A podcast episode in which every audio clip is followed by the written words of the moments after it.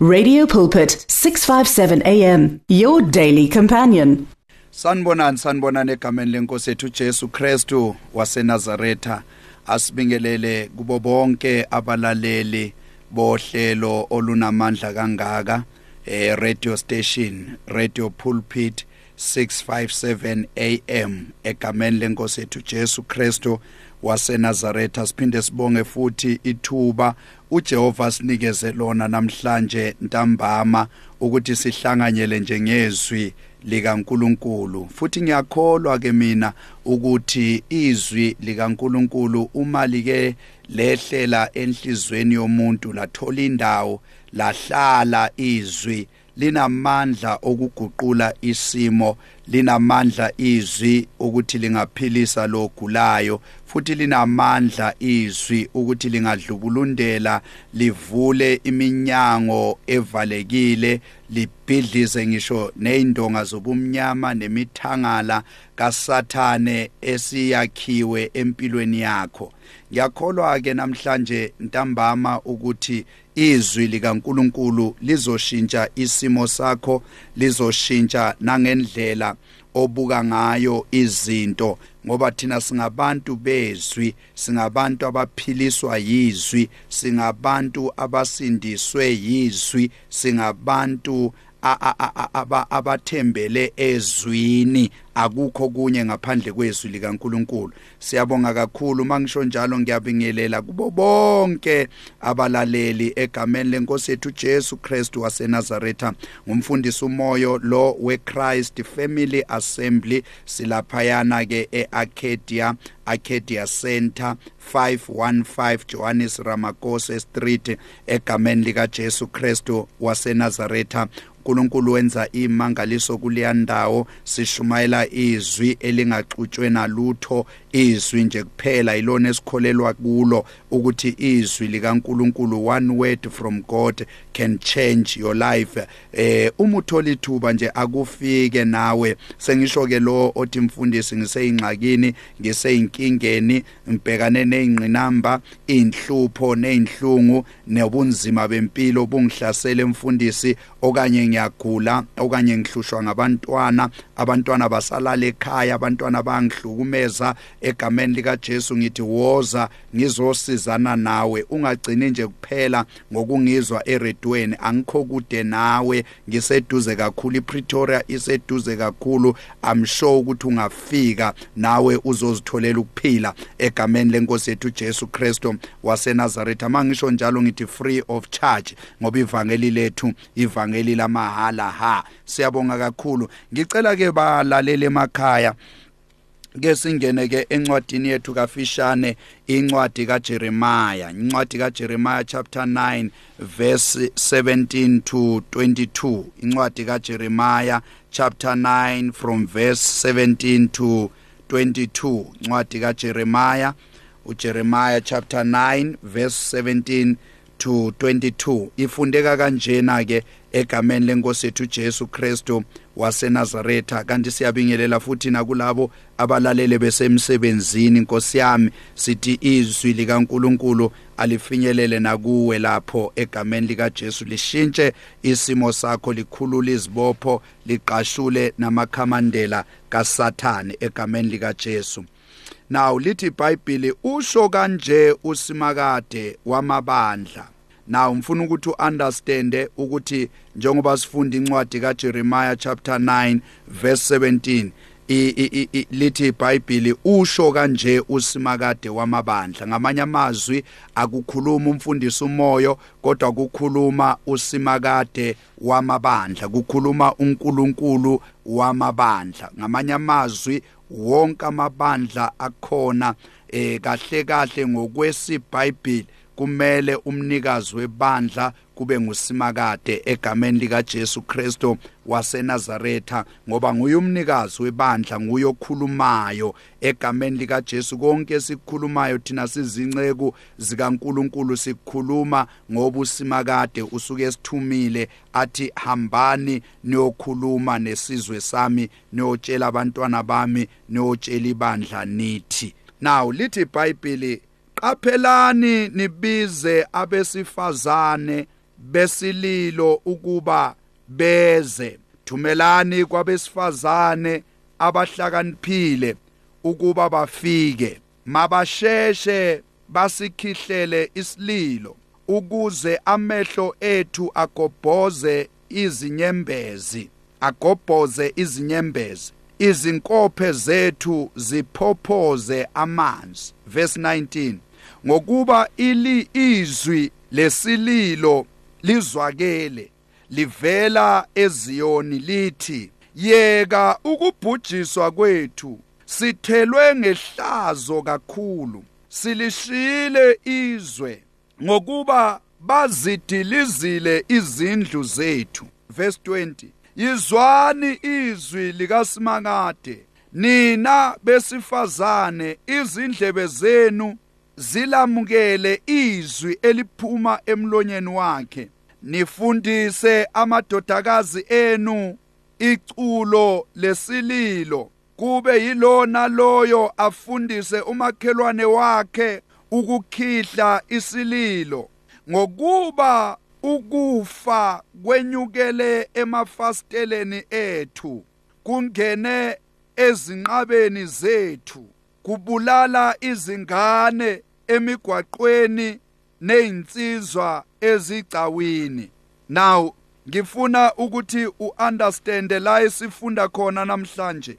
Kukhuluma umprofeti uJeremiah. Abanye bazokhumbula kahle ukuthi uJeremiah ubizwa ungena ensimini yevangeli ensimini yokushumayela ensimini yokuphatha isizwe sonke sika Israel ubizwa uNkulunkulu esasebuncaneni bakhe usase ngumfana omncane usaselijongo akakazi lutho kodwa izwi lifika kuye uthi uNkulunkulu Jeremiah ngikwazile ungakazalwa ungakabi yihlwili nasesiswini sika mama wakho nawubamba lithi iBhayibheli ngakwenza ngakugcoba ngakwenza umprofeti naw uJeremiah uzalwa nje uzalwa senesiphiwe isiphiwo sokuprofeta isiphiwo sokuphatha isiphiwo sokuhola abantu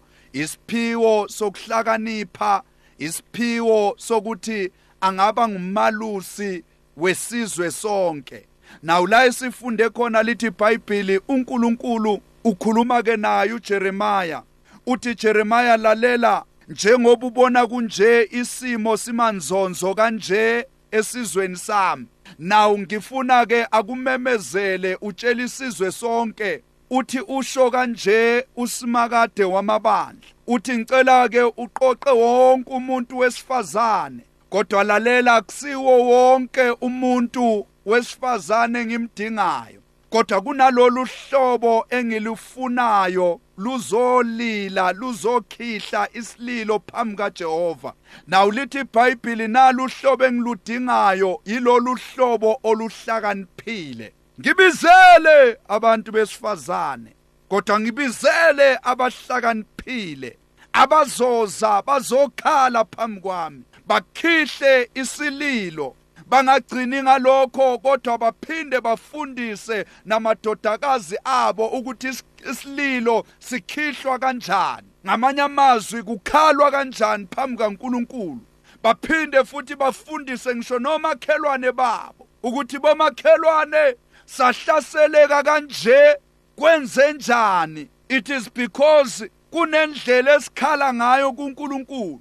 Kodwa leyo ndlela esikhala ngayo kuNkulunkulu ayikhombisi ukuhlakanipha ngoba uthi uNkulunkulu biza besifazana abahlakaniphile. Yibona abazokwazi ukuzokhihla isililo phambi kwami. Ngamanye amazwi isililo siyini kahle kahle emlalele ekhaya? Isililo singumthandazo kodwa umthandazo ohlukile. Umthandazo lo ofana nokahana uhana lithi iBhayibheli unyaka nonyaka wayehlala naye hamba naboza kwabo uyapi kanti uhana? Uya eShilo. Bayokwenzana eShilo. eShilo kwakuyindawo yokuyobonga uNkulunkulu ukuthi baba siyabonga. unguJehova eBheneza. Uhambe nathi kwaze kwaba la. Ngamanye amazwi siyibonile imisebenzi yakho emihle. njengoDavida ungathi ngiyababona bonke beseshilo bathi mbonge mphefumulo wami uJehova.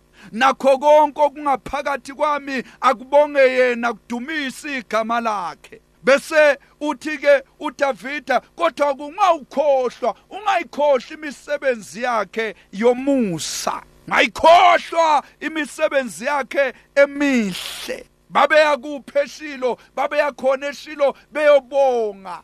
Ngathi ngiyambona noHana naye eya eyobonga kodwa engakayitholi lento ayifunayo. Abanye bayobonga yena uyokhihla isililo. Lithi iBhayibheli ekukhihleni kwakhe isililo uHana kula impendulo yakhe yavela khona.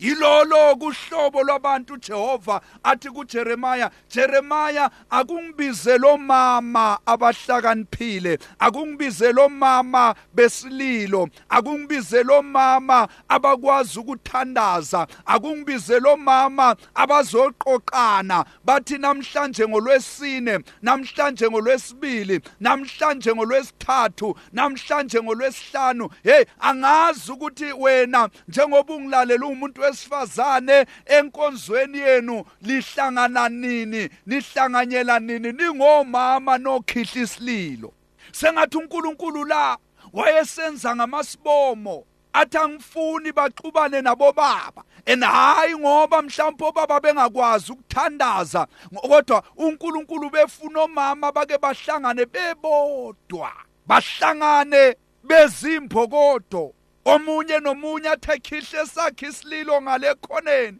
nalona yathi bayede ngale khoneni nalo munye naye athi ungcwele ngubani onjengawe? Nalo munye naye eguqile athi baba sikambono ofana nawe.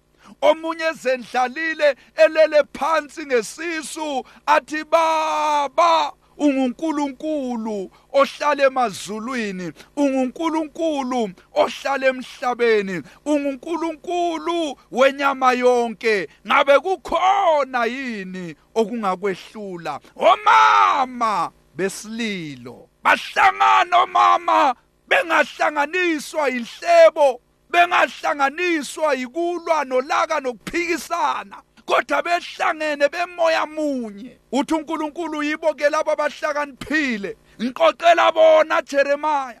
Le ayisafuni wena nawe kunamandla engunikeze wona njengomprofeti kodwa lempi enibhekane nayo lesimo enihlangabezane naso asisadingi wena kodwa sidinga lolu hlobo lwabomama uhlobo lwabantu besifazana elithi iBhayibheli ngohlobo oluhlakaniphile ngoba umama okwazi ukuthandaza intombazane ekwazi ukuthandaza umuntu wesifazana okwazi ukuthandaza iBhayibheli limbiza njengomuntu olifazana ohlakaniphileyo uma ufuna ukwazi ukuthi uhlakaniphile mama sikubona emthandazweni. Yebazalwane ngathi ngakhuthaza namhlanje. Bomama ake nihlanganyele niyokhihla isililo kuNkulunkulu. Kwenze njani uNkulunkulu athi kuJeremiah kabizela abantu besifazana bazokhihla isililo bakhale phambi kaNkulunkulu? Sesiyabona ukuthi izwi likubeka kucace sobala ukuthi la kwase kukhona inkinga eyayikhona. Ngoba lithi iBhayibheli mabasheshe mawufunda uverse 18 lithi iBhayibheli mabasheshe basikhihlela isililo ukuze amehlo ethu agobhoze inyembezi izinkophe zethu ziphophoza amanzi ngokuba izwi lilo selizwakele livela eziyoni. Kwenze njani kwakhala abantu abakhulu kangaka eziyoni. Lithi iBhayibheli ngoba nakhu bakhuluma ngokuthi bayabhubha sekungene nehlazo phakathi kwabo. Abanye sebeshiye nezwe sebeshiye nendawo abahlala kuzo. Izindlu zabo sezidiliziwe. Abantwana babo bafela emgwaqweni. Kwakukuningi okwakusenzeka la. Kodwa lithi iBhayibheli uthi uJeremiah labo bantu besifazana yibona abanamandla okunqoba yonke leyo mimoya. Imimoya yokufa abantu besifazana abanamandla okuyinqoba. Imimoya yama drugs ehlasela isizwe sethu ehlasela abantwana bethu. Lithi iBhayibheli abantwana bethu bayabhubha emigwaqweni. Abantwana bethu bayashabalala izindlu zethu ziyadilika. Abantu basuke endaweni zabo zokukhonza basuke endaweni zabo bayahlehla basuka endaweni zabo zamandla kuKristu Jesu kwenze njani? It is because umuntu wesifazana akekho okwazi ukukhihla isililo akhale kuNkulunkulu akhalimele lo moya akhale kuNkulunkulu akhalimele imimoya akhale kuNkulunkulu akhuze ngomthandazo. Ngizokhuthaza abantu besifazana namhlanje ukuthi bomama ke linhlanganyelene isikhathi manje sokuthi nivuke nime ngeenyawo isikhathi sokuthi manje nivuke nithandaze nango12 ebusuku. Isikhathi sokuthi manje nihlanganyele emabandleni nithandaze nithi moya engcwele zibonakalise. Moya engcwele zambule emabandleni. Moya engcwele hlanganisa umzimba kaKristu lokukwahlukana okukhona emabandleni abantu sebesukile endaweni yabo. Hey bomama ke sithandazeni. Ake behlangana omama bazothandaza. Yaphindlika imizi kwenze njani uthi uNkulunkulu uJeremaya bizo mama. Bazoguqa bakhihla isililo. Abantwana bethu abasebenzi kwenze njani? Bomama yini eniphethe impendulo? uNkulunkulu uyanithemba. Esikhathini esiningi sikhuluma ngogolayathi sithi uDavida wabulala ibhele. Ngamanye amazwi umuntu wesilisa lo owakwazi ukuthi uDavida akwazi ukubulala uGoliath abulale nebhele abulale nengonyama kodwa kube sengathi umuntu wesifazana yena kanawo amandla. Encwadini kaJeremiah lesifunda kuyo uNkulunkulu ubiza umuntu wesifazana uthi this time angifuni uDavida. This time angifuni uElijah.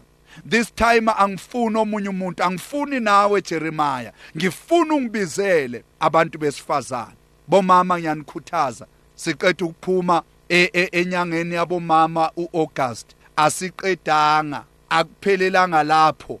Nalezi inyanga ezinye ezilandelayo bomama indlela kade nizimisele ngakhona emabandleni akube indlela enizimisela ngakhona ngisho nakulezi zinye inyanga ezizayo. Ibandla likuthembile mama. uNkulunkulu ukuthembile. Ungazinyatsi futhi into ehlangane nomthandazo alithi iBhayibheli ngibizela omama abanemali ngibizela omama abahlala kuma mansion lithi iBhayibheli ngibizela omama ngibizela abesifazana abahlakaniphile abazokwazi ukukhihla isililo bakhale phambi kaNkuluNkulu ngamanye amazwi umthandazo ubiza wonke umuntu. Ngiyabonga kakhulu egameni lenkosi ethu Jesu Kristo waseNazaretha ngumfundisi umoyo ke lo egameni lenkosi ethu Jesu Kristo ake sihlangane futhi next week. On Saturday ngo9 ebusuku kulo lolu hlelo kuso lesi station Radio Pulpit 657 egameni lika Jesu AM siyabonga kakhulu uNkulunkulu akubusise egameni lika Jesu ngathi uNkulunkulu angakunikeza amandla umuntu wesifazana yebo ngiyazi izimo ziyakuhlasela akusathandazeki. Kodwa uNkulunkulu uthi noma zikhona izimo kodwa kudingeka ukuthi ube nomoya wokuhlakanipha kuzukwazi ukuthandaza kahle god bless you see you next week The words of the Lord are words of life. Your heart is on 657 AM. 657 AM. Radio for believers in action.